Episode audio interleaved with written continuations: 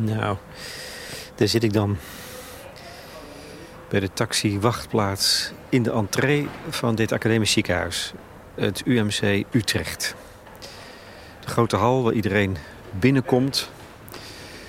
is nog volle bedrijvigheid. Drie hostessen staan de mensen die binnenkomen te verdelen in patiënten met griepachtige klachten en zonder griepachtige klachten. Nou, daar hoor ik dan bij. Uh, de stoelen naast mij zijn afgeplakt, niet betreden. Dit gebied is ontruimd. Ja, zo bewaar je natuurlijk op een hele praktische manier ook de benodigde afstand. Af en toe loopt er iemand langs met een mondkapje, de meeste zonder. Ik zit hier in mijn eentje. Zonder Nina. En dat voelt als gemis.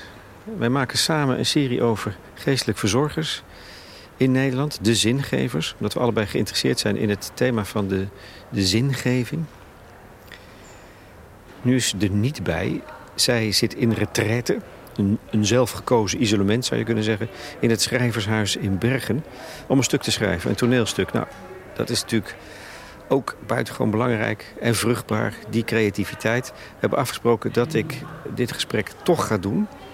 Deze volgende aflevering van onze serie. Omdat we allebei voelen dat dat urgent is. Zeker in deze tijd. Want zoals ik Nina mis, uh, nu... Uh, blijkt het in die gesprekken met die zingevers ook eigenlijk misschien wel in de kern steeds hier om te gaan dat er contact is. Gewoon een relatie, een gesprek. Mensen kijken elkaar in de ogen. Misschien is dat wel de kern van het werk dat zij doen. Nu ga ik praten met Mark Rietveld. Die werkt hier sinds niet zo heel lang ook op, het, op de IC-afdeling. Nou, daar ben ik natuurlijk zeer benieuwd naar. Wat hij daar kan betekenen, hoe dat is. Um, het is een man met een intrigerende levensloop.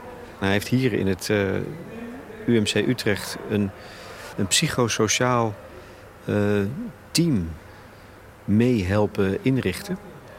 Voor hulpverlening aan de mensen die hier werkzaam zijn, maar ook aan de patiënten thuis. Ik denk dat ik hem maar eens ga bellen. Ik zoek contact. Mark, goedemorgen. Je spreekt met Lex. Goeie, hoi. Ik zit in de hal, in de entreehal. Um, kom ik jouw kant op? Of kom je...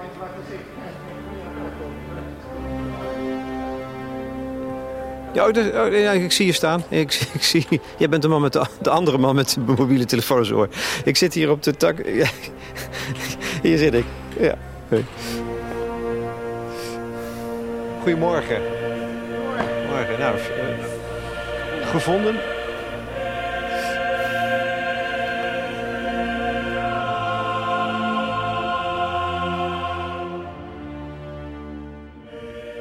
Mark Rietveld is geboren op de Bijbelbelt en studeerde theologie. Maar dat liep niet goed af. Hij viel van zijn geloof en liet kerk en godsdienst achter zich. Volgde een tweede carrière als ICT'er. En in die hoedanigheid kwam hij te werken op het Academisch Ziekenhuis in Utrecht. En daar ontdekte hij dat het bloed kruipt waar het niet gaan kan. Hij besloot geestelijk verzorger te worden. Maar dan wel een ongebondene, zoals dat heet. Ja, die heb je ook in Nederland. Nu werkt Rietveld dus opnieuw in het UMC Utrecht, ditmaal in zijn nieuwe functie. Inmiddels ook de jongste niet meer, rent hij in zijn witte doktersjas voor mij uit de trappen op naar de zesde etage. Ik volg op gepaste afstand en enigszins buiten adem. Ja, het is een kleine kans die ik elke keer weer aangrijp hier in het huis. Hollend de trap op. Ja, en in je doktersjas. Ja, en dat is bijzonder, want dat doen we eigenlijk verder nooit. Maar in het kader van de coronacrisis uh, wordt ons verzocht om deze jas te dragen ook. Op de afdelingen die daarvoor zijn ingericht. Dus ik trek hem ook weer uit als ik naar psychologie ga of psychiatrie ga. Want dan, dan is dat toch een beetje te massief. Maar is het een, een te massief? Dat ervaar je zo, zo'n jas? Ja, ja. ja. Nou, daar, bij psychiatrie dragen de verpleegkundigen ook geen, uh, geen witte kleding. Dus het is niet alleen voor ons. Dus dat, dat is wel heel verschillend. En waarom moet je hem dragen eigenlijk? Uh, hygiëne. Toch wel? Ja. Dus het helpt om te voorkomen dat, uh, dat ik hem mee naar huis neem. dus deze jas die gaat straks weer de was in en dan pak ik morgen weer een nieuwe. Ja. Ehm, wij zitten voor de ingang van het Intensive Care Centrum. Op een paar bankjes, ook voor een deel afgeplakt uitzicht over de velden, de weilanden. Uh, die grenzen aan dit uh, gigantische complex. Je vertelde me, dit is een van de drie afdelingen trouwens, want er is uitgebreid, capaciteit is opgeschaald, dat jij onlangs hebt gebeden met een patiënt op de IC-afdeling. En dan vraag ik me even af, het klinkt zo eenvoudig hè, maar hoe, hoe ziet dat er dan uit? Hoe, dat, dat, ook dat is iets wat heel anders gaat dan normaal, denk ik. Um, ja, dat, dat valt mee. Dus uh, het komt wel vaker voor dat we in ja, desinfectiemateriaal uh, bij patiënten langs gaan. Dat is niet uniek voor corona. Nee. Maar uh, ja, wat anders is, is dat dat zo massaal is eigenlijk op dit moment. Dus wat, wat, wat onprettig is, is dat je eerst helemaal moet in, uh, aankleden, jas aan, handschoenen aan, kapje op. En dan kom je bij iemand langs. En dan, ja, dan ben je natuurlijk niet zo zichtbaar. dus het contact maken is even wat lastiger. Maar vorige week heb ik inderdaad zitten bidden bij een patiënt die inmiddels overleden is trouwens. een liedje gezongen. iemand met een wat, wat verstandelijke beperking die daar... Ja, die ziet dat, dat dat vertrouwd is, dat iemand daar zich dan weer goed bij Want hoe ontstaat zoiets? Word je dan gevraagd of, of bied je dat zelf aan? Hier in het huis worden we eigenlijk altijd gevraagd. Ja. Dus uh, wij gaan niet zomaar meer bij patiënten langs. Dat gebeurde vroeger wel. Maar verpleegkundigen of maatschappelijk werkers of anderen die schatten in dat een geestelijke zorger op zijn plek is. En wat we nu aan het doen zijn in het kader van de coronacrisis, is dat we veel intenser samenwerken met de maatschappelijk werkers en de psychologen in het huis en eigenlijk één team vormen. Dus uh, veel van ons werk overlapt. Als het gaat om gesprekken voeren met mensen over wat ze meemaken, dan doen wij dat niet per se heel anders dan maatschappelijk werkers. Misschien wel met een wat ander perspectief of een andere, andere houding, maar in wezen is dat erg vergelijkbaar. Ja. En even nog dat, dat moment van het bidden. Ja. Um, voelt dat niet heel vreemd hè, om zoiets te doen, zoiets intiems van de ziel in die omstandigheden, terwijl er hè, amper gecommuniceerd kan worden? Hoe is dat voor jou dan? Dat is altijd bijzonder. En, en in die zin niet anders dan anders. Als ik bij. Ik heb laatst een zalving gedaan hierboven. Bij iemand die ging overlijden. En dan kom je bij een verdrietig gezin, bij een man die niet echt meer bij bewustzijn was. Dat is altijd een heel speciaal, intiem moment waarbij je ook een beetje vreemd voelt. Maar. Waarom vreemd? ik ken de mensen eigenlijk niet echt. Ze kennen mij niet echt. En je komt met iets ouds. En in die zin is het, nou, dat is misschien de kracht van het ritueel, is het ook wel juist mooi om dan met bekende woorden te komen, met iets te komen waarvan je weet dat mensen daar vertrouwd mee zijn. En dat voel je ook. En, en, en nou ja, dat heb ik eigenlijk in de afgelopen jaren ontdekt en een hele tijd uit het vak geweest te zijn, dat, je, dat daar misschien het priesterlijke in zit. Dat je even verdwijnt op zo'n moment. Dat, wie jij bent, uh, dat doet er ook niet zoveel toe. Uh, je ziet, je ziet dat je iets kan bemiddelen. Je ziet dat, je, dat er iets gebeurt onder je ogen. En dat, is, dat kan heel, heel mooi zijn. Ja. ja. Iets dat groter is, bovenmenselijk. En ook oud, denk ik. Oud, dat oude helpt. Ja, het oude helpt. Het feit dat het oud is. Uh, oud en vertrouwd, ja. Ik, uh, ik ben een tijd helemaal uit de kerk weg geweest. En, en nu zit ik op de rand. En ik kan me herinneren dat ik ooit... Uh, het heeft me enorm gefascineerd... Ehm, een soort ritueel meemaakte. Toen werkte ik in een revalidatiecentrum bij een jongen met een hersentumor jonge vent, uh, energiek, die letterlijk neerviel toen hij uh, eh, 10 kilometer aan het rennen was uh, met een hersenbloeding. En toen bleek opeens dat hij een agressieve hersentumor had. En daar heb ik veel mee gesproken met, zijn, met, met die vrouw met wie hij net aan het trouwen was. En met wie hij kinderen wilde krijgen, huis gekocht. Nou, je kent het. Je kunt je voorstellen hoe dramatisch dat was. En toen kwam zijn predikant, en dat was een oud studiegenootje van me. En toen was ik eigenlijk nog helemaal weg uit die kerk nog. En die heeft toen een ritueel gedaan bij in het stiltecentrum van, van het centrum waar ik toen werkte. En dat heeft ontzettend indruk op me gemaakt. En dat, dat was juist ook omdat het zo klassiek was. Woorden uit de oude psalmen die, ja, als je het letterlijk neemt, misschien helemaal niet per se pasten. Maar dat hoeft ook niet. Het, het feit dat je, dat je dan een moment hebt samen met van die gelouterde woorden uit een verre oudheid dat is zo krachtig. En uh, iedere poging om daar eigen tijdse woorden voor te vinden... is misschien wel gedoemd om te mislukken... vergeleken bij zoiets uh, ouds. Maar het moet natuurlijk wel vertrouwd zijn voor mensen. Als dat op het dat moment nieuw is, dan werkt dat niet. Je werkt sinds 1 maart hier in Utrecht. In het ziekenhuis. In het ziekenhuis. Um, daarvoor als, als freelancer ook. Was je er al, begrepen. Maar nu dus ook op de IC. Nou, daarvoor ook wel. Ja. Okay. Dus ik werkte één dag in de week en nu drie. Hoe is het werken als geestelijk verzorger op een IC-afdeling in de coronatijd? Hoe is dat nu? Veel mensen op de IC slapen. Dus wij hebben vooral contact met mensen die we aan het aansterken zijn of die niet zo erg ziek zijn dat ze in slaap worden gebracht. Dus dat is vooral niet op deze IC, maar op de zogenaamde cohortafdelingen. Dus de IC is wat dat betreft voor ons een plek waar we niet zomaar komen. Hier beneden is een, eh, een nieuwe IC ingericht waar mensen gewoon permanent slapen. Daar heb ik niks te zoeken. Dus wij zijn er dan wel met dat, dat team waar ik het over had uh, aanwezig om personeel op te vangen. Twee keer per dag. En dat doen we dan met die hele pool, pool van mensen die daarvoor zijn vrij, vrijgemaakt. Maar niet per se bij de patiënten. Wat we wel doen is dat we mensen nabellen. Uh, familie van, van, naasten, van, van die mensen die daar liggen. Die worden gebeld thuis om te vragen of ze iets nodig hebben. Dat, dat proberen we ook zo goed mogelijk te doen. Dat, uh, dat dan wel. Maar die IC zelf, ja, af en toe spreek ik daar mensen. zoals het eigenlijk ook gebruikelijk was. Dus niet per se anders. Oké. Toch zei je dat het zwaar is nu. Wat zwaarder is, is de, de intensiteit de veelheid. En eigenlijk ieder individu is een ziek, een ziek mens. En, en dan is corona niet per se anders dan dat iemand uh, ernstig kanker heeft of uh, een herseninfarct. Of, het, het, zijn allemaal individuele verhalen die allemaal ja, een, een intens vorm van lijden kunnen zijn. Maar wat het nu extra zwaar maakt is de, is de veelheid en ook de, ja, de eenzaamheid, de afstand. Dus uh, het feit dat mensen bijna geen bezoek kunnen krijgen. Dat geldt overigens niet alleen voor coronapatiënten. Ik was gisteren nog bij iemand uh, die ook alweer sinds zondag niemand heeft gehad op bezoek. Geen corona, maar uh, ja. raakt iedereen. En, en dat maakt het wel heel erg, erg moeilijk als je, als je het, het zwaar hebt. Dat je dan je geliefde niet kan zien. Dat, dat, en dat voel je. Dat, dat voel jij ook? Nou ja, voor mijzelf persoonlijk nee, maar, niet. Maar, nee, maar ik voel, jij, gaat, jij gaat daarin zitten. Ik ga erin zitten en, en dan, dan merk je ook hoe, uh, uh, hoe belangrijk dat contact is. Ja. En wat kan jij dan bieden? Als GV of als nou, Mark ja, Rietveld? Of ja, als... Dat, dat klinkt dan als Mark Rietveld. Ik, ik denk altijd als geestelijke verzorger ben je vooral jezelf. En uh, dus wat wij kunnen bieden, en wat ook anderen kunnen bieden, is dat we er als mens zijn. En, en dat we luisteren. En dat we dat je laat merken dat je, dat je aandacht hebt en, en, en, en dat die ander ertoe doet.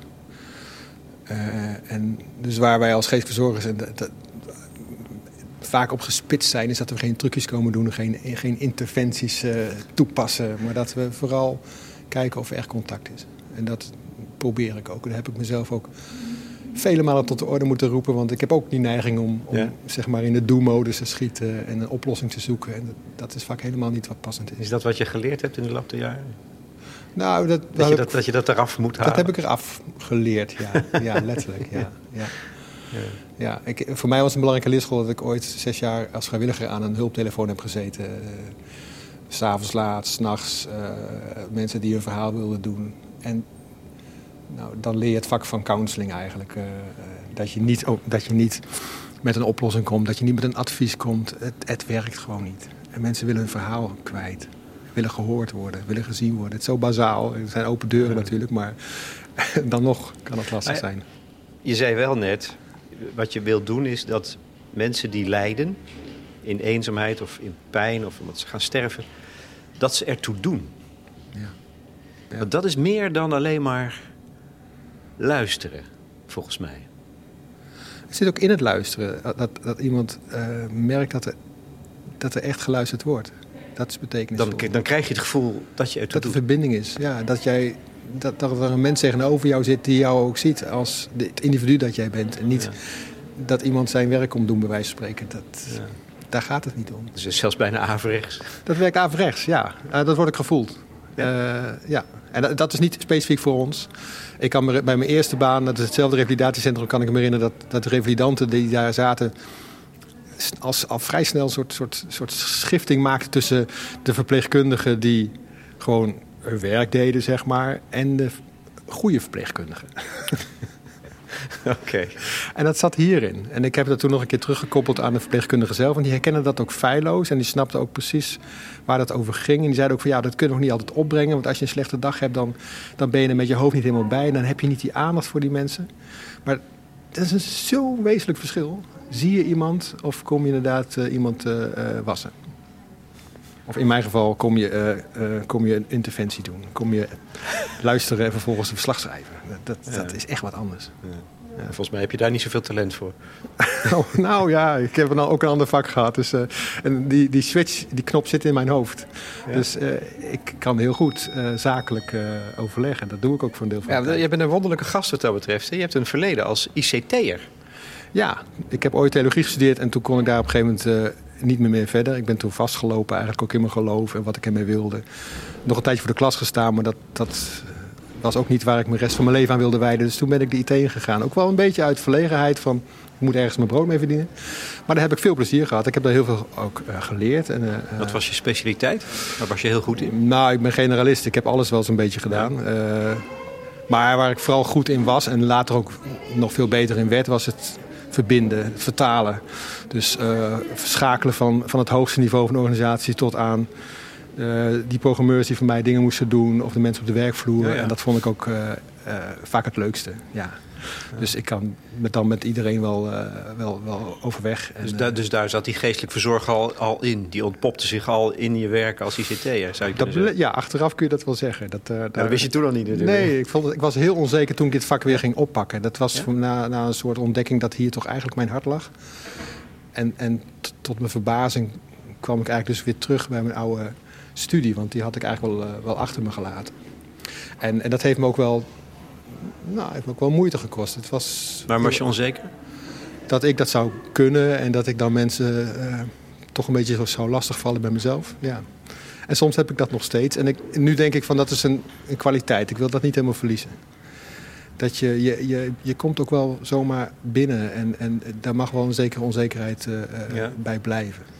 En hoe, hoe kan jij dan mensen lastigvallen met jezelf in dat werk? Nou, ja, ja.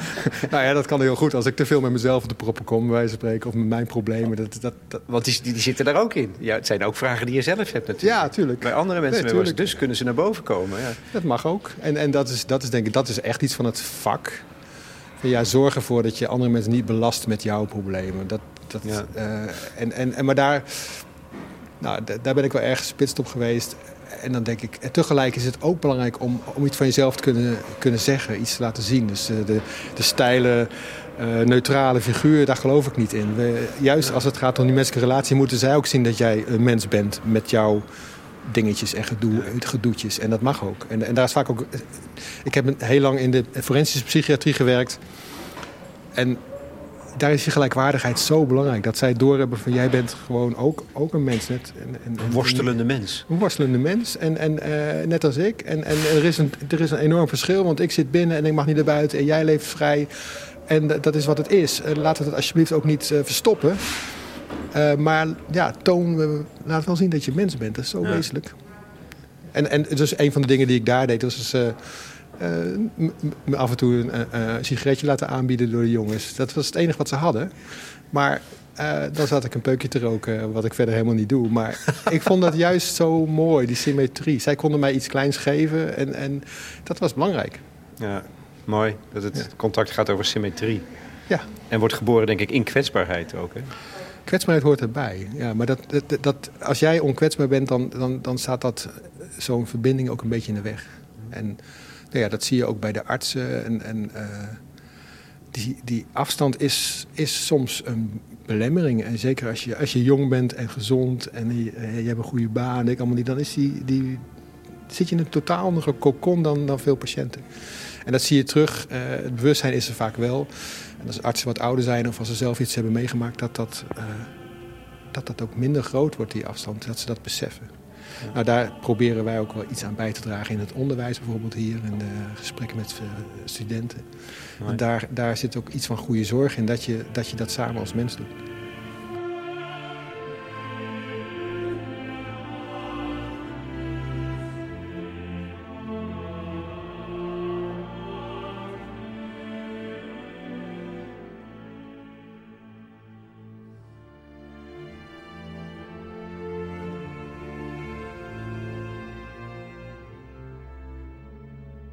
Je draagt een badge, Mark Rietveld. Medewerker psychosociaal team. Ja.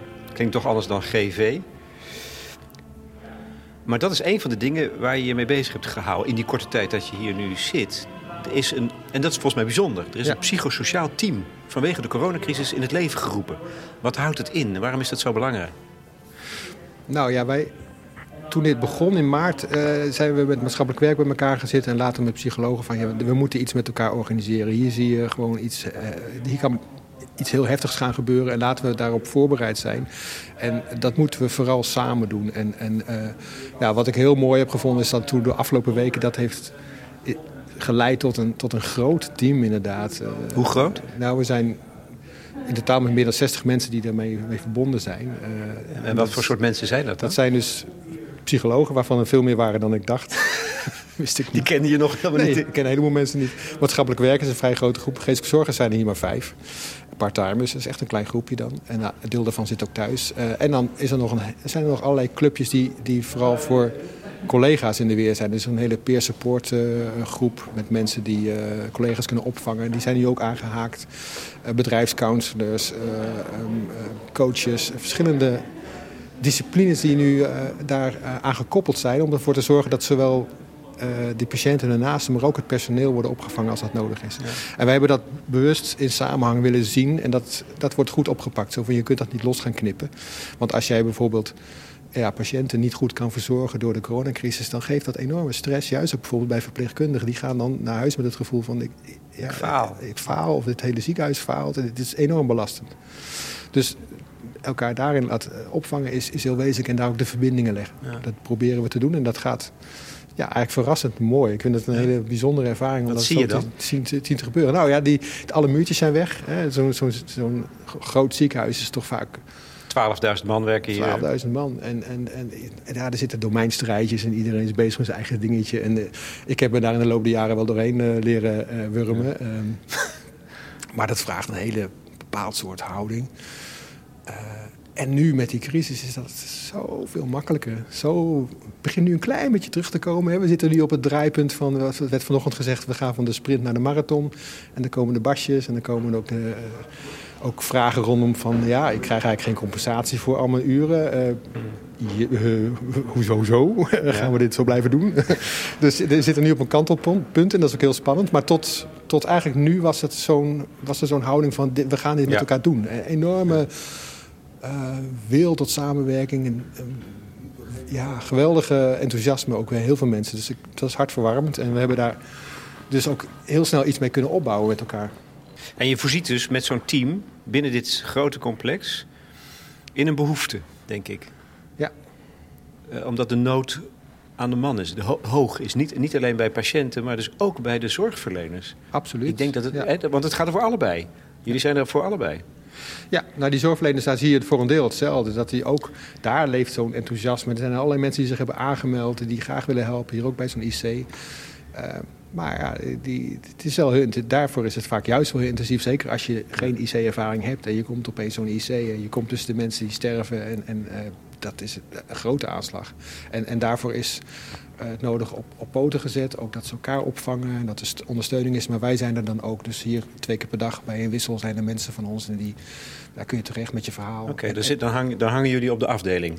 Ja, bij de overdrachten zijn we er en zijn we zichtbaar en hebben we zo'n dingetje. Ja, Iedereen ja. weet dat ondertussen ook. En, uh... maar jullie, jullie maken jezelf dus zichtbaar op cruciale momenten?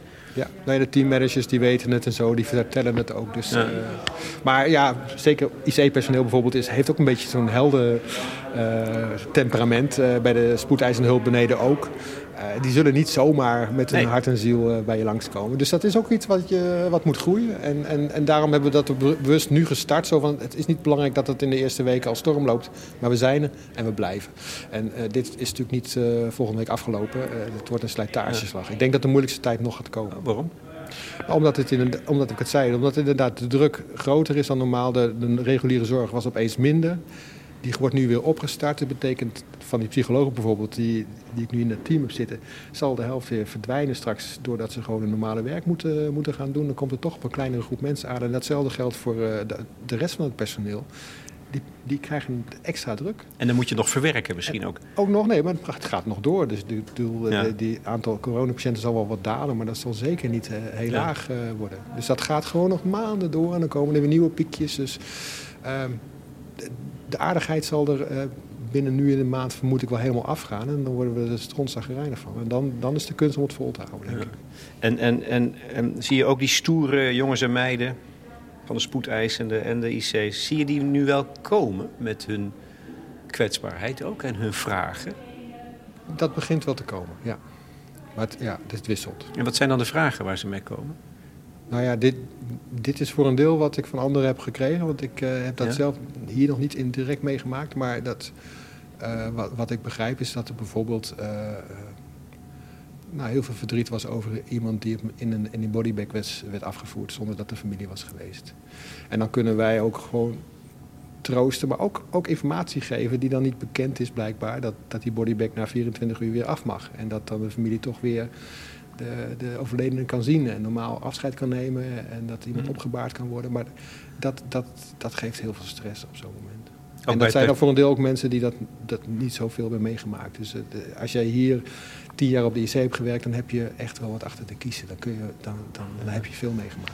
En dat maakt, dat maakt op dit moment heel veel uit. Want het heel groot deel van dat personeel wat, wat hier werkt, heeft niet zo'n verleden. Die heeft niet die ervaring. Zo. Um, overigens, is het ook nog eens zo dat met jouw geschiedenis als een tijd lang ICT'er, dat je, dat je die ervaring hier ook inzet nu? Niet alleen maar je, je, je, geestelijke, je geestelijke training, maar bij, bij het oprichten van zo'n psychosociaal team. Het gaat over communiceren. Ja, en erover organiseren. Zeker, nee, dat, dat helpt wel. Het helpt ook wel dat je, dat je de organisatie op meerdere niveaus hebt meegemaakt. Het helpt voor mij persoonlijk ook wel. Dat, ik weet nog dat ik hier ICT'er was en een klein beetje geestelijk verzorgen. Dan praat ik over uh, tien jaar terug. Dan was ik, uh, toen werd ik hier gastvoorganger en dan ging ik af en toe op zondag voor. En ik werd wel eens opgeroepen. En dan kon het zijn dat ik op zondag in een toga rondliep met mijn brood en wijn naar de verpleegafdeling. En ik weet nog heel goed hoe, hoe ik die tegenstelling heb ervaren tussen gewoon IT'er zijn en maar overal binnenwandelen en uh, overal welkom zijn. En juist ook bij de hogere lagen in deze organisatie. En dan de switch maken naar geestelijke zorg. En dat gevoel hebben van... Oh, uh, sorry, mag ik misschien ook even op de deur kloppen? En, ongewenst. nou, ongewenst. Ik, ja, wij noemen dat een beetje het Calimero-probleem. Ja. En dat zit een beetje in het vak. Het zit ook in de houding die we hebben. En, en dat merk ik ook bij mezelf. Van, nou, dat is helemaal niet nodig. En ik uh, doe dat dus af en toe wel bewust. Dan schakel ik weer even terug naar de IT-stand, om het maar zo te zeggen. Want ja, dit is gewoon belangrijk. Dus uh, dat doen we ook gewoon zo. Ja, mooi. Ken je mij? Wie ken je dan? Weet jij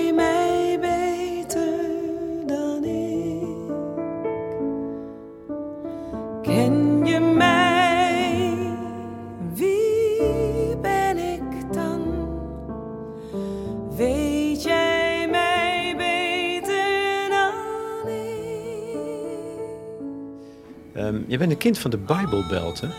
Ja. Hoe was dat? Uh, nou, dat heeft me wel uh, heel erg bezig gehouden. Ik, ik, tot mijn twintigste uh, was ik heel trouw, orthodox, gelovig.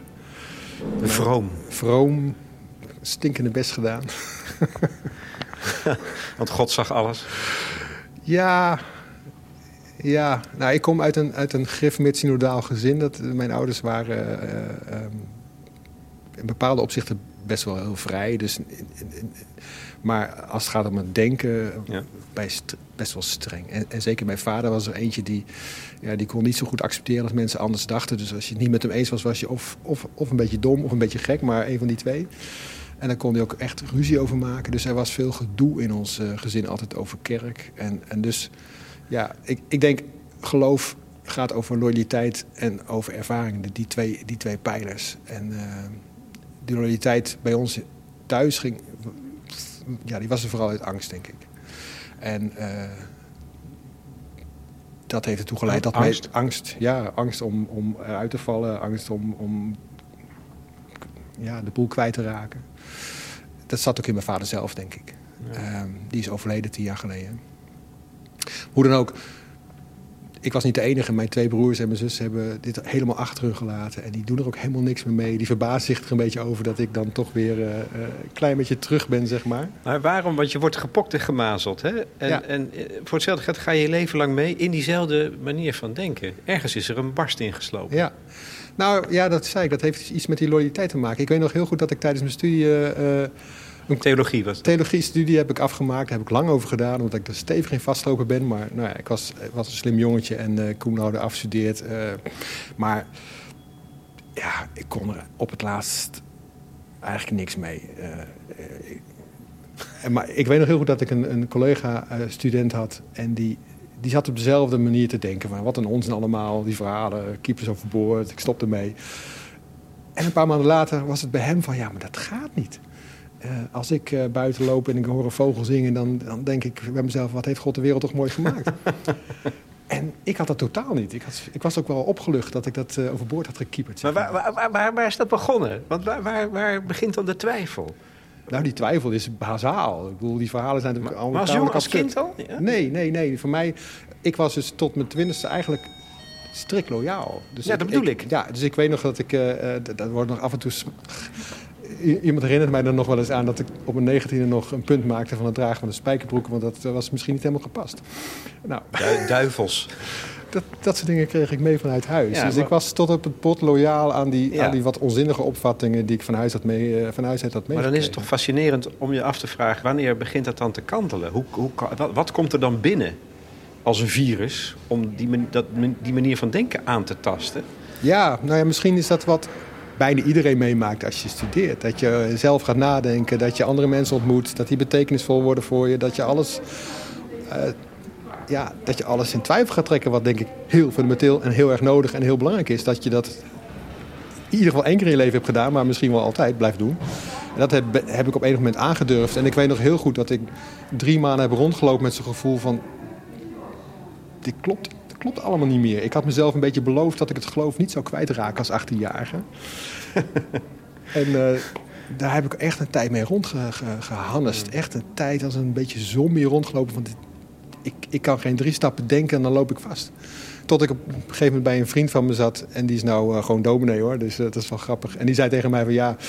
Uh, ik kan jou niet adviseren, maar uh, verplaats je jezelf eens even in mijn schoenen en geef jezelf een advies. Een ongelooflijk uh, cliché natuurlijk, maar het werkte. want toen dacht ik van ja, dit slaat nergens op. Ik ben gewoon heel oneerlijk naar mezelf. Dus laat staan naar God of wie dan ook. Dus begin met eerlijk zijn. Dus toen ben ik, ja, knoop doorgehakt. Dus ik, kan, ik kan dat niet meer geloven. Al die verhalen, al, al die dingen die ik meegekregen heb. maar ja, terugkijken denk ik, ja, weet je, dat is ook helemaal niet waar het geloof over gaat. Nee. Alleen zo was ik wel opgevoed. En het was voor mij een bevrijding om dat achter me te laten. En waar gaat het dan wel over? Ja, dat is eigenlijk heel bazaal. Hè? Dat gaat over, uh, misschien over liefde of zo. Ik bedoel, Jezus vraagt niet of je wel of niet in God gelooft. Die vraagt of je de liefde dient of, uh, of de mammon. Uh, de God van de macht en geld en eer en status. Dat lijkt nog steeds een hele relevante vraag. En nou, als het daarom gaat, denk ik... Ja, daar probeer ik uh, wel naar te luisteren, naar die, naar die oproep, zeg maar. Ja. Dus in die zin ben ik dan weer een beetje terug. En ik, ja, maar met of zonder God? Ja, of is het gewoon met, is gewoon met liefde? ik, ik, heb dat, ik ben godsdienstfilosoof. Ik heb, ik heb juist over die godsvraag dus misschien wel heel veel nagedacht toen. En, en eigenlijk als ik... Eén ding, is heel, één ding kun je erover zeggen. En dat als je, als je het hebt over God op een manier dat hij wel of niet kan bestaan... Ja. dan weet je één ding zeker. Je hebt het niet over God. Dat, dat, kan niet, dat kan niet zo bestaan. Dus of hij Strikt logisch. Strikt logisch. Of het is iets wat vanzelfsprekend is, of het is er niet. En in die zin denk ik van, dat doet er wat mij betreft niet zoveel toe. En ik heb nu juist in het werk als geestelijke zorg hoe, gemerkt hoe krachtig het kan zijn om zo'n woord te gebruiken, soms, en soms ook helemaal niet. Dus ik kies ervoor om dat te gebruiken op het moment dat het, oh, dat het kan landen. Dat wij de verbinding kunnen voelen met iets wat groter is dan wij, dan wij zelf. En dan denk ik met name aan iets als, als liefde, uh, de verbinding met andere mensen. Dat is, dat is fantastisch. Dat, en daar is de tweede poot van geloof, dat is de ervaring. Die ervaring moet er wel zijn, anders gaat het geloof ook weg. En dan denk ik, ja, uh, dat, dat proef ik bij sommige gelovigen die in de traditie staan. En dat raakt mij, dat vind ik mooi. En denk ik, zo ben ik niet opgevoed. Die jongen waar ik het net over had, die kwam uit een heel warm gelovig gezin. Daarom is hij dominee geworden. Bij mij thuis was altijd ruzie over geloof. Daarom ben ik geen dominee geworden. Dat is de kern. Loyaliteit uit liefde houdt je misschien wel binnen die kerk. Die was er bij mij niet. En nu denk ik van ja, ik, ik zit dus mooi met mijn ene been erbuiten en de ene been erbuiten. Ja, ja, op de rand van de kerk zeg en je. En dat valt mij, valt mij goed. Ja? ja? voel je nu senang. Dat je, kan je kan eigenlijk schakelen. Dus, dus buiten staan en binnen staan. Je kan allebei. Ik voel me bij allebei thuis. En dan denk ik, dat, dat is dan ook het, het resultaat van mijn, uh, mijn levensgeschiedenis. En tot Daar moest je uitkomen. Er moesten al die omwegen en die, die ontsporingen en die dwaaltochten nou, ja, om hier uit te komen. Nou, het is in zekere zin op een hele paradoxale manier ook een loyaliteit naar mijn eigen vader. Die, ja, uh, die, die in zekere zin ook diezelfde strijd voerde, maar aan de andere kant probeerde te blijven. En daar een enorme kramp in had. En denk ik, ja, uh, ik had het hem anders gegund. Je hebt er nooit met hem over kunnen spreken? Niet in deze termen. Maar hij, hij, hij deed uiteindelijk heel erg zijn best om mij ook daarin te volgen. Dus ik, nou ja, dat was ontroerend toen hij overleed. Waren de laatste woorden aan mij gericht. Ik hou van jou. Dat, dat, dat, dat neem ik mee. Ja. En terwijl het af en toe een, eh, een draak van de vent was. Maar uh, ja, dit is wel voor mij heel betekenisvol geworden. Ja. Liefde dus toch? Ja, denk, daar gaat het uiteindelijk over. Ja, dat is ontroerend hè.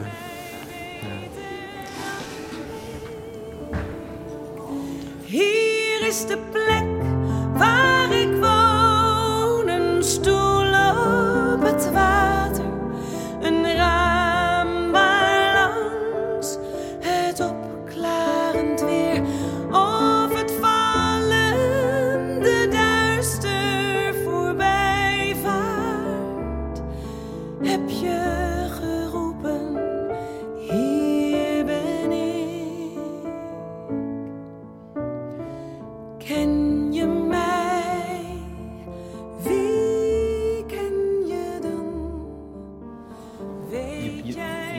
toch uiteindelijk geestelijk verzorger geworden. Ja.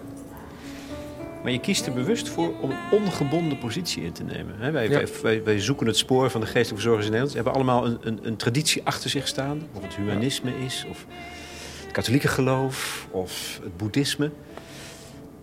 Dat wil jij heel, heel bewust volgens mij niet. En er is een kleine groep geestelijke verzorgers in Nederland... die noemen zich ongebondenen. Nou, sterk groeiende groep.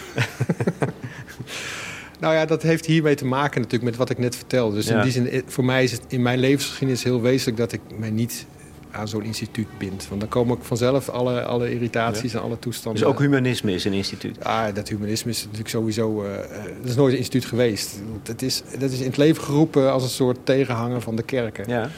Maar, uh, dat, maar dat, je kiest er bewust voor om daar niet nee, aan te Nee, helemaal niet. Waarom niet? Nou, om, om wat ik net zei. Ik bedoel, dat zijn menselijke instituten en dat gaat over menselijke belangen. En dat kan soms heel nuttig zijn. En als, het, als, als, als ik daar baat bij heb, dan zal ik dat doen, maar puur het opportunisme. Maar ik, kan, ik wil me daar niet per se aan verbinden. Ik ben mezelf. En in het contact met mensen wil ik ook nadrukkelijk dat zijn, mijzelf. Met wat ik heb. En daar, daar, moet, daar moet ik het mee doen en daar moeten zij het ook mee doen. En, en dat is voor een deel mijn levensverhaal. En, en juist ook om me lang te voelen, wil ik met, met het ene been binnen staan en het ene been buiten. En in die ongebonden positie kan ik dat het meeste waarmaken. En dit is, hier zit verzet in, hè, voel ik bij jou. Ja, ja, ja. Anarchisme. Uh, anarchisme, ik ben wel een anarchist, ja. Uiteindelijk toch ook. Want uiteindelijk, dat is niet alleen liefde is belangrijk, maar ook vrijheid dus. Ja. Vrijheid is heel lang mijn thema geweest, maar dat is logisch, omdat ik mij vrij moest vechten. Je was nooit vrij. Nee. En de afgelopen tien jaar is dat verschoven naar verbinding. En, en, en nou, dat heb ik ook heel uh, van, van binnen ervaren. Ik denk, die vrijheid is uiteindelijk minder belangrijk. Op het moment dat je die vrijheid hebt verworven, dan komt de volgende stap. En, en, en nou, daar ben ik de afgelopen tien jaar... Eh, het heeft me enorm goed gedaan. Dus ik ben best wel een gelukkig mens, maar dat heeft hiermee te maken. Maar je moest daar langs. Ja. Je moest langs de positie van de vrije. Je moet vrij zijn om, om de volgende stap te kunnen zetten van de echte verbinding. Dus je kunt geen verbinding maken uit angst. Ja. Bepaalt dat ook jouw visie op de invulling van het vak van geestelijk verzorger? Vind je, je, je, zegt met trots, het is een groeiende groep. Zo van, eigenlijk, eigenlijk moeten ze alle geestelijk verzorgers daar naartoe. Nou, groeiend. Ik, of vul ik het nou te veel in? Ja, ik, dat heeft meer te maken met hoe de samenleving eruit ziet. denk ik. ik oh heb, uh, er is binnen die klassieke groepen nog wel eens een soort nostalgie, een soort verlangen naar vroeger, toen die kerken nog groot waren. En dan kan er met enig met enige smalende toon gepraat worden over de huidige mens die zijn levensbeschouwing een beetje bij elkaar uh, sprokkelt, de brikkenbrak Dat is niet echt. dat, is, dan niet echt, dat is niet serieus. En daar krijg ik dus echt ontzettend irritatie van. denk, flikker op, weet je. Dit, juist in deze tijd zijn mensen zo mooi bezig op zoek. En natuurlijk is dat een uh, bij elkaar scharrelen van, van, van wijsheden, waarheden. En mag het? Ik bedoel, de kerk hebben gewoon gefaald. En we zitten misschien inderdaad wel in een, een tijdperk waarin iets nieuws uh, geboren wordt. Uh, spannend eigenlijk wel. En ik vind het juist zo mooi dat zoveel mensen zo bewust en zo zoekend daarmee bezig zijn. Ook juist in de jongere generatie. Nou ja, je weet dat ik mindfulness geef. Ja. daar kom ik ze tegen. Uh, ja, die twintigers die zoeken en, en die heel openstaan. En die, die zo mooi bezig zijn met dit soort vragen. Dus ik, ik wat voor soort vragen? Nou ja, wat, wat, is, wat, wat, wat, wil ik met, wat is betekenisvol? En, en hoe ga ik mij verhouden tot het leven? Is dat, de belang, is dat, als het gaat over zingeving, de belangrijkste vraag? Wat is betekenisvol? Of ja, die, is, die, is, hanteerbaar of zo, lijkt Die is misschien hanteerbaarder. Maar ja, uh, ik denk dat je dat in je eentje nooit gaat vinden. Dus uh, waar ik net over wat ik zei, verbindingen is misschien de, de plek waar zin, zin vandaan komt. Dus, uh, waar de zin in zit, in de verbinding zit. In de verbinding komt zin. En niet per se in je eentje nadenken over het leven. Dat, dat, uh, wij, zijn, wij zijn allemaal deeltjes van een groter geheel. En, en dat, dat is zo wezenlijk. Dus, uh, en daar die zoektocht in. En dan zijn wij als mens zijn wij betekenisgevende wezens. Wij, wij, wij, wij, vertellen elkaar verhalen. Dat maakt ons tot mens. En die verhalen zijn dus de afgelopen honderd jaar enorm aan het veranderen. Waanzinnig spannend. Ja. En, daar denk ik, daar zitten wij als geestelijke zorgers op onze manier ook ergens in. Maar met ja, een klein schakeltje maar, denk ik. Ja. Ik denk vaak, deze samenleving is ziek. Waarom? Omdat het hier te weinig over gaat. Maar ik weet, het is, een, het is langzamerhand een open deur aan het worden misschien. Ja, ik weet niet of ze zo ziek zijn. Ik ben niet zo somber. Nee? Nee. Nee. Nee, wat ik zei, ik zie die open eh, houding bij de jeugd. Ik, ik, je, je ziet dat generaties na die van mijn ouders, die, dat is een oorlogsgeneratie, dat die, dat die met vaak meer warmte en liefde hun kinderen hebben opgevoed, gemiddeld genomen, met alle uitzonderingen die er zijn natuurlijk. En dat het zich ook vertaalt in jongeren die, die nou, openstaan. Ik weet nog van mijn eigen dochters, ik heb twee grote dochters en een kleintje. En die hebben een, ik heb zo'n scheur in de ziel uh, meegegeven door, door te scheiden uh, op het moment dat het helemaal niet goed was, denk ik, voor ze. En ik, ik, heb erop zitten wachten, want dat krijg ik hier op je brood. En, en, en dat, dat gebeurde ook wel. Uh, en maar eerder dan ik dacht. Ik denk, ja, en dat, dat was mooi. Ik denk, rond 28, 29 krijg je dat. 4, 25. Ja, dan, krijg je terug op een of andere manier de emoties en de pijn. En, en, en gelukkig ook in verbinding, dus dat je het erover kan hebben. En ik denk, dat, dat is iets van deze tijd. Dat, dat heb ik met mijn ouders nooit zo kunnen doen. Nee. Of het wel geprobeerd, maar het werkte niet. En dan denk ik, nou, dat, ik vind dat mooi. En denk ik, dat kan veel meer dan vroeger. Dus ik, ik vind de tijd... Ik ben optimist wat dat betreft. Ik denk dat we toch nog steeds wel stapjes voorwaarts zetten met elkaar. Waarom is um, mindfulness zo'n goede methode om met dit soort dingen bezig te zijn? Ja, mindfulness gaat over uh, eerlijk en uh, moedig zijn. En uh, nou ja, waar ik het net over had, eerlijk zijn is misschien het vertrekpunt. Als je niet eerlijk kan zijn naar jezelf, dan hou je jezelf voor de gek en dan kom je niet veel verder. Dus, en dat, mindfulness is een soort uh, eerlijkheid in het kwadraat. Dus je niet alleen eerlijk bent over je gedachten, maar ook eerlijk over je gevoelens, eerlijk over wat je allemaal in jezelf meemaakt. En dat je daar de durft te kijken. Dat was voor mij zo'n 15 jaar geleden toch nog wel weer een enorme reis. Om te zien van nou, ik heb ook nog wel systematisch dingetjes weggestopt in mijn leven. Ja. Uh, maar waarom deze specifieke techniek van mindfulness? Nou, Want het kan ook de mediteren zijn. Of, ja, de... Het is natuurlijk meditatie, hè? dus zo specifiek is het niet. Ik denk mindfulness is, is, is een, ook een beetje een containerbegrip. Dat je, dat je echt tijd maakt en oefent in... kun je naar binnen kijken en niet meegenomen worden door het verhaal. Dus, dus de, ervaring, de typische ervaring van de mindfulness is dat je jezelf leert zien dat gedachten producten van je geest zijn. En dat je als het ware naar kan kijken van ik heb een gedachte, maar ik zit er niet in. Uh, dat is toch boeddhisme? Het is boeddhisme. Mindfulness komt uit de boeddhistische traditie. Maar het is niet specifiek boeddhisme. Ik bedoel, er zijn ook absoluut uh, mensen in de christelijke traditie te vinden, ook in de islam, ja. uh, die dit soort technieken hebben beoefend eeuwenlang. En, en, en er zit ook een verwantschap met, met bidden. Want een echt gebed begint met stilte. Dus ja, het wordt vaak een beetje geframed als boeddhisme, maar wat mij betreft is de techniek neutraal. En waarom moed? Eerlijkheid, zei je, is belangrijk. Dus daar begint het mee. En dan komt er dus een fase dat je moed nodig hebt. Moed, inderdaad, om dan te zien wat je liever niet wilde zien. In mijn geval was dat Hebben we allemaal, toch? Die... Nou, dus, dat, dat vind ik zo fascinerend. Niet per se. Nee? nee. Bij mij was het eh, dat, ik, dat ik mijn eigen angst onder ogen moest komen.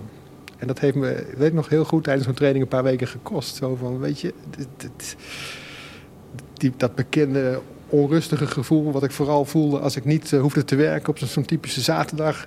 dat was gewoon angst, maar dat wilde ik misschien helemaal niet zo toegeven. En, en dat onder ogen komen, dat, dat kost dan gewoon Hmm. eh, eh, een paar weken. Of, of soms een Nou, dat vind ik nog kort hoor. Nou, ja, maar tijdens mijn training. En dat Het kan jaren duren. het kan toch? soms jaren duren en er zitten ook weer laagjes in. Dus, Ja. Maar En- het, is, oh, het is ook gewoon wel te doen. Dus, en dat zie ik ook gebeuren als ik zo'n training geef. Het- je ziet mensen opbloeien als ze inderdaad dat lef hebben. En mindfulness is wat dat betreft een hele mooie weg. Omdat het een zachte, vriendelijke weg is om dit gewoon te doen. En, en je doet het samen. En, en dan denk je van, ja, maar ik ben, niet- ben niet de enige met dit soort dingen. Nee, we zijn allemaal gewoon mens. En eh, ja, goh, die ander heeft dat ook. Ja, hm, ja. Wat was jouw grootste angst? Eh, denk om afgewezen te worden. Ja. Om eh, niet goed genoeg te zijn. Ja. En dat begon natuurlijk ook al in het gezin vroeger. Ja, ik was degene die eh, er mocht zijn omdat ik zo vreselijk slim en goed Ja. was en eh, braaf. Ja. Ja. het drama van het begaafde kind is dat ook, hè? voor een deel. Nou ja, ik heb niet voor mijn ouders hoeven zorgen. Dus dat stukje, dat, dat zat er niet in. Zij zorgden wel voor zichzelf. Dus maar wel dat ik inderdaad in, in die spanningen die er waren... eh, overeind bleef door ja, Te presteren. ja. te presteren. Ja. Ja. En, en Met hoeveel mensen heb je dat gemeen? Heel veel, denk ik. Ja, ja. In die zin is deze samenleving is wel erg prestatiegericht. En dat zie je. Dat is wel een van de grote valkuilen, denk ik. Dat, eh, dat maakt mensen eh, heel erg moe. Moe. moe. Altijd weer aanstaan. Ja, En, altijd niet eerlijk zijn. Altijd niet jezelf accepteren eigenlijk. Dat, Uiteindelijk dat zit is een bron van, van chronische vermoeidheid. Een bron van chronische moeite. Dat je inderdaad uiteindelijk niet accepteert dat je, dat je misschien maar heel beperkt bent. Of een beetje middelmatig. Of weet ik veel wat. Dat zijn we gewoon. Dat zijn we allemaal natuurlijk. Ja. Dat maakt het wel makkelijker, hè? Le- Volgens mij leef jij nu een stuk makkelijker. Klopt dat? Ja, ik leef een stuk makkelijker, ja. Die indruk maak jij. Nou ja, en dat, eigenlijk, dat is voor mij zo'n vrucht van mindfulness. Dat je gewoon jezelf kan accepteren. En ja, ik ben ook maar één mens. En al die anderen ook. En, en die symmetrie is zo wezenlijk. Ik heb vorig jaar een compassietraining gegeven aan eh, collega's in de psychiatrie. En het zijn allemaal open deuren en dat weet iedereen daar. Maar als je dan vervolgens met elkaar gaat oefenen van... kun je ook compassie ervaren voor jezelf... dan is dat voor een heel aantal toch enorm confronterend. Ja, tuurlijk voor je patiënten, ja, ja, ja, maar voor jezelf? Nou, en dan gaan we het doen met elkaar en dan komen de tranen en dan is er pijn. En, ik, en, en, en, en dat aangaan, dat, eh, dat is zo wezenlijk. En, en nou ja, dat vind ik mooi om te doen. En dat heb ik probeer voor mezelf ook. En je tuint er af en toe gewoon weer in. Dat zijn natuurlijk oude patronen. Blijft. Geeft ook niet.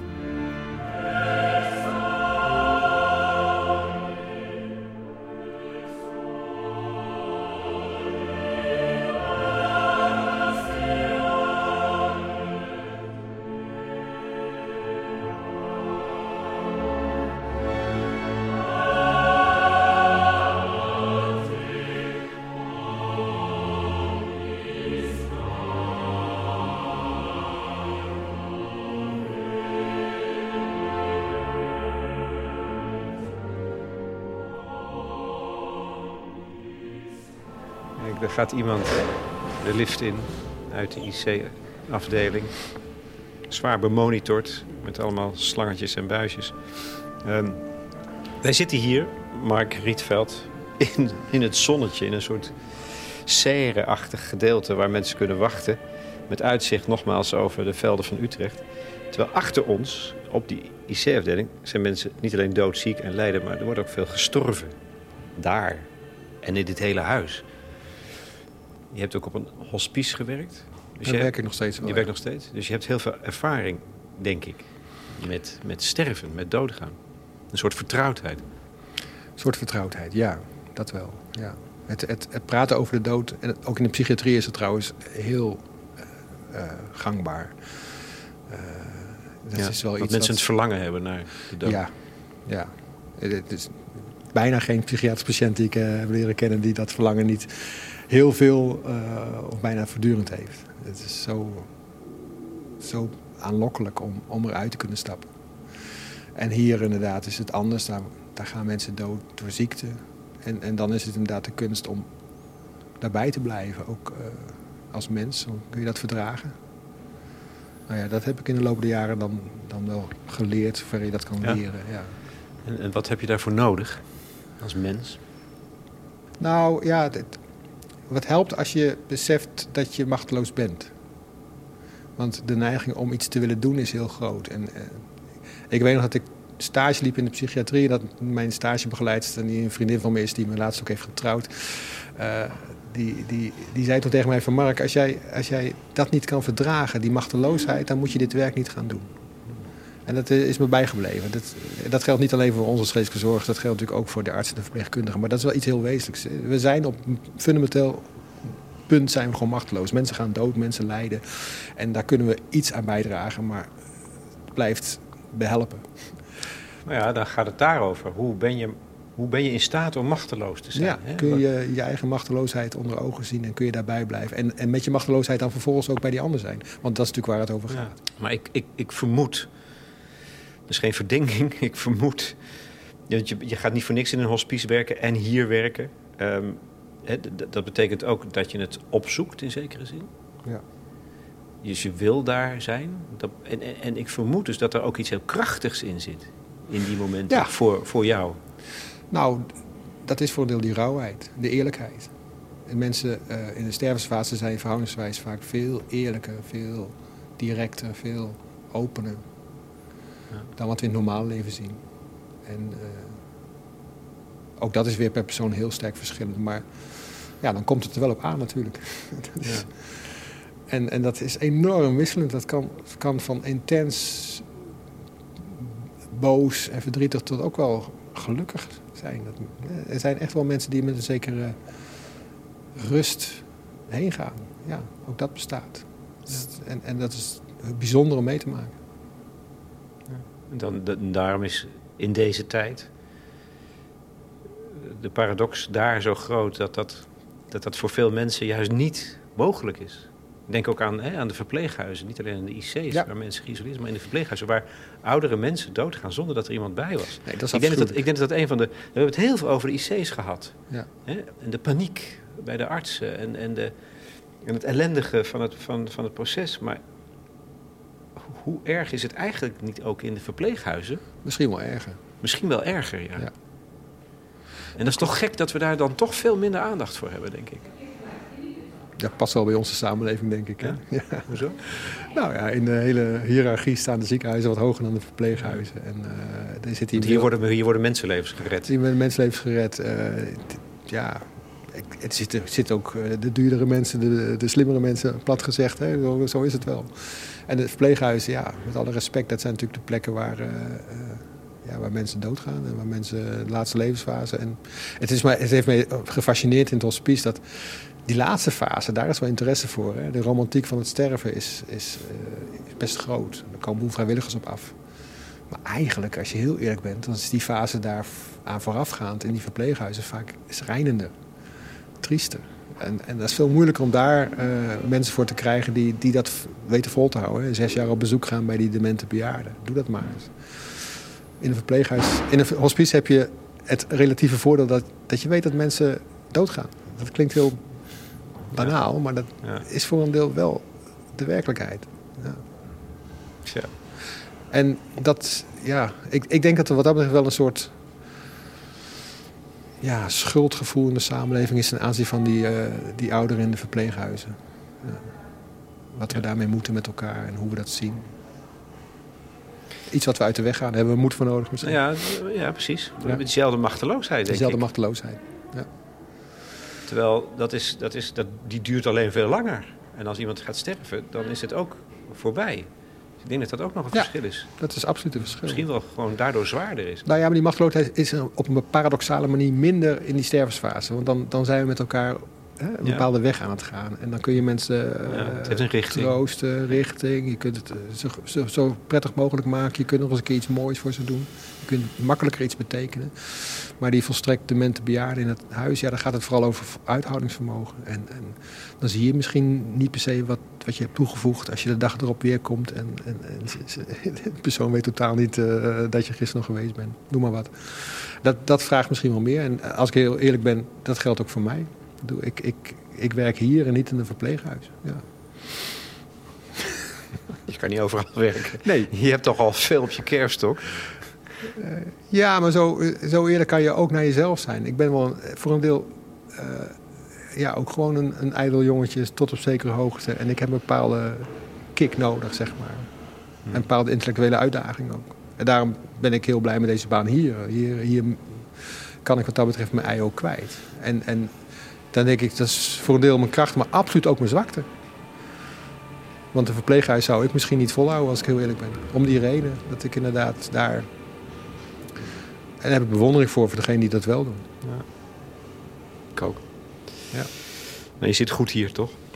Ik uh, kan hier, uh, ja, dat hoop ik. We gaan het zien, uh, Lex. Ik dank je voor dit gesprek. Dank je wel, Lex, voor het gesprek. En dan gaan we moedig voorwaarts, hè? Ja, nou ja, wat ik al zei. Dus uh, in deze crisis is de, de uitdaging eigenlijk nog uh, is nog net begonnen. Ik denk dat het vooral ja. Over een paar maanden spannend is. hoe staan we er dan in? Uh, als we het allemaal wel weten.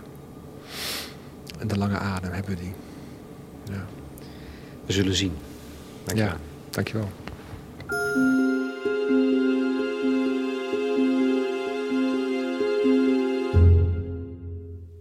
Mark Rietveld, geestelijk verzorger in het UMC Utrecht, in gesprek met Lex Bolmeijer voor de correspondent. Dit was de zevende aflevering van de serie De Zingevers, die ik maak samen met Nina Polak. Vragen, opmerkingen, ervaringen delen? Dat kan op het platform van de correspondent. Maar om mee te praten moet je wel lid zijn. Dat ben je al voor zeven tientjes per jaar en dan krijg je een heel jaar lang onafhankelijke journalistiek voorbij de waan van de dag. Overigens is Mark zelf ook van de partij. Verder wijs ik op de coronagids die we hebben en dagelijks bijwerken. En tot slot één aantekening over de muziek. Ik gebruikte het Requiem van Fauré, versie Philip Herrewegen, en Ken je mij van Treintje Oosterhuis. De tekst werd geschreven door haar vader, Huub Oosterhuis, ook een man die altijd op de rand van de kerk heeft gezeten.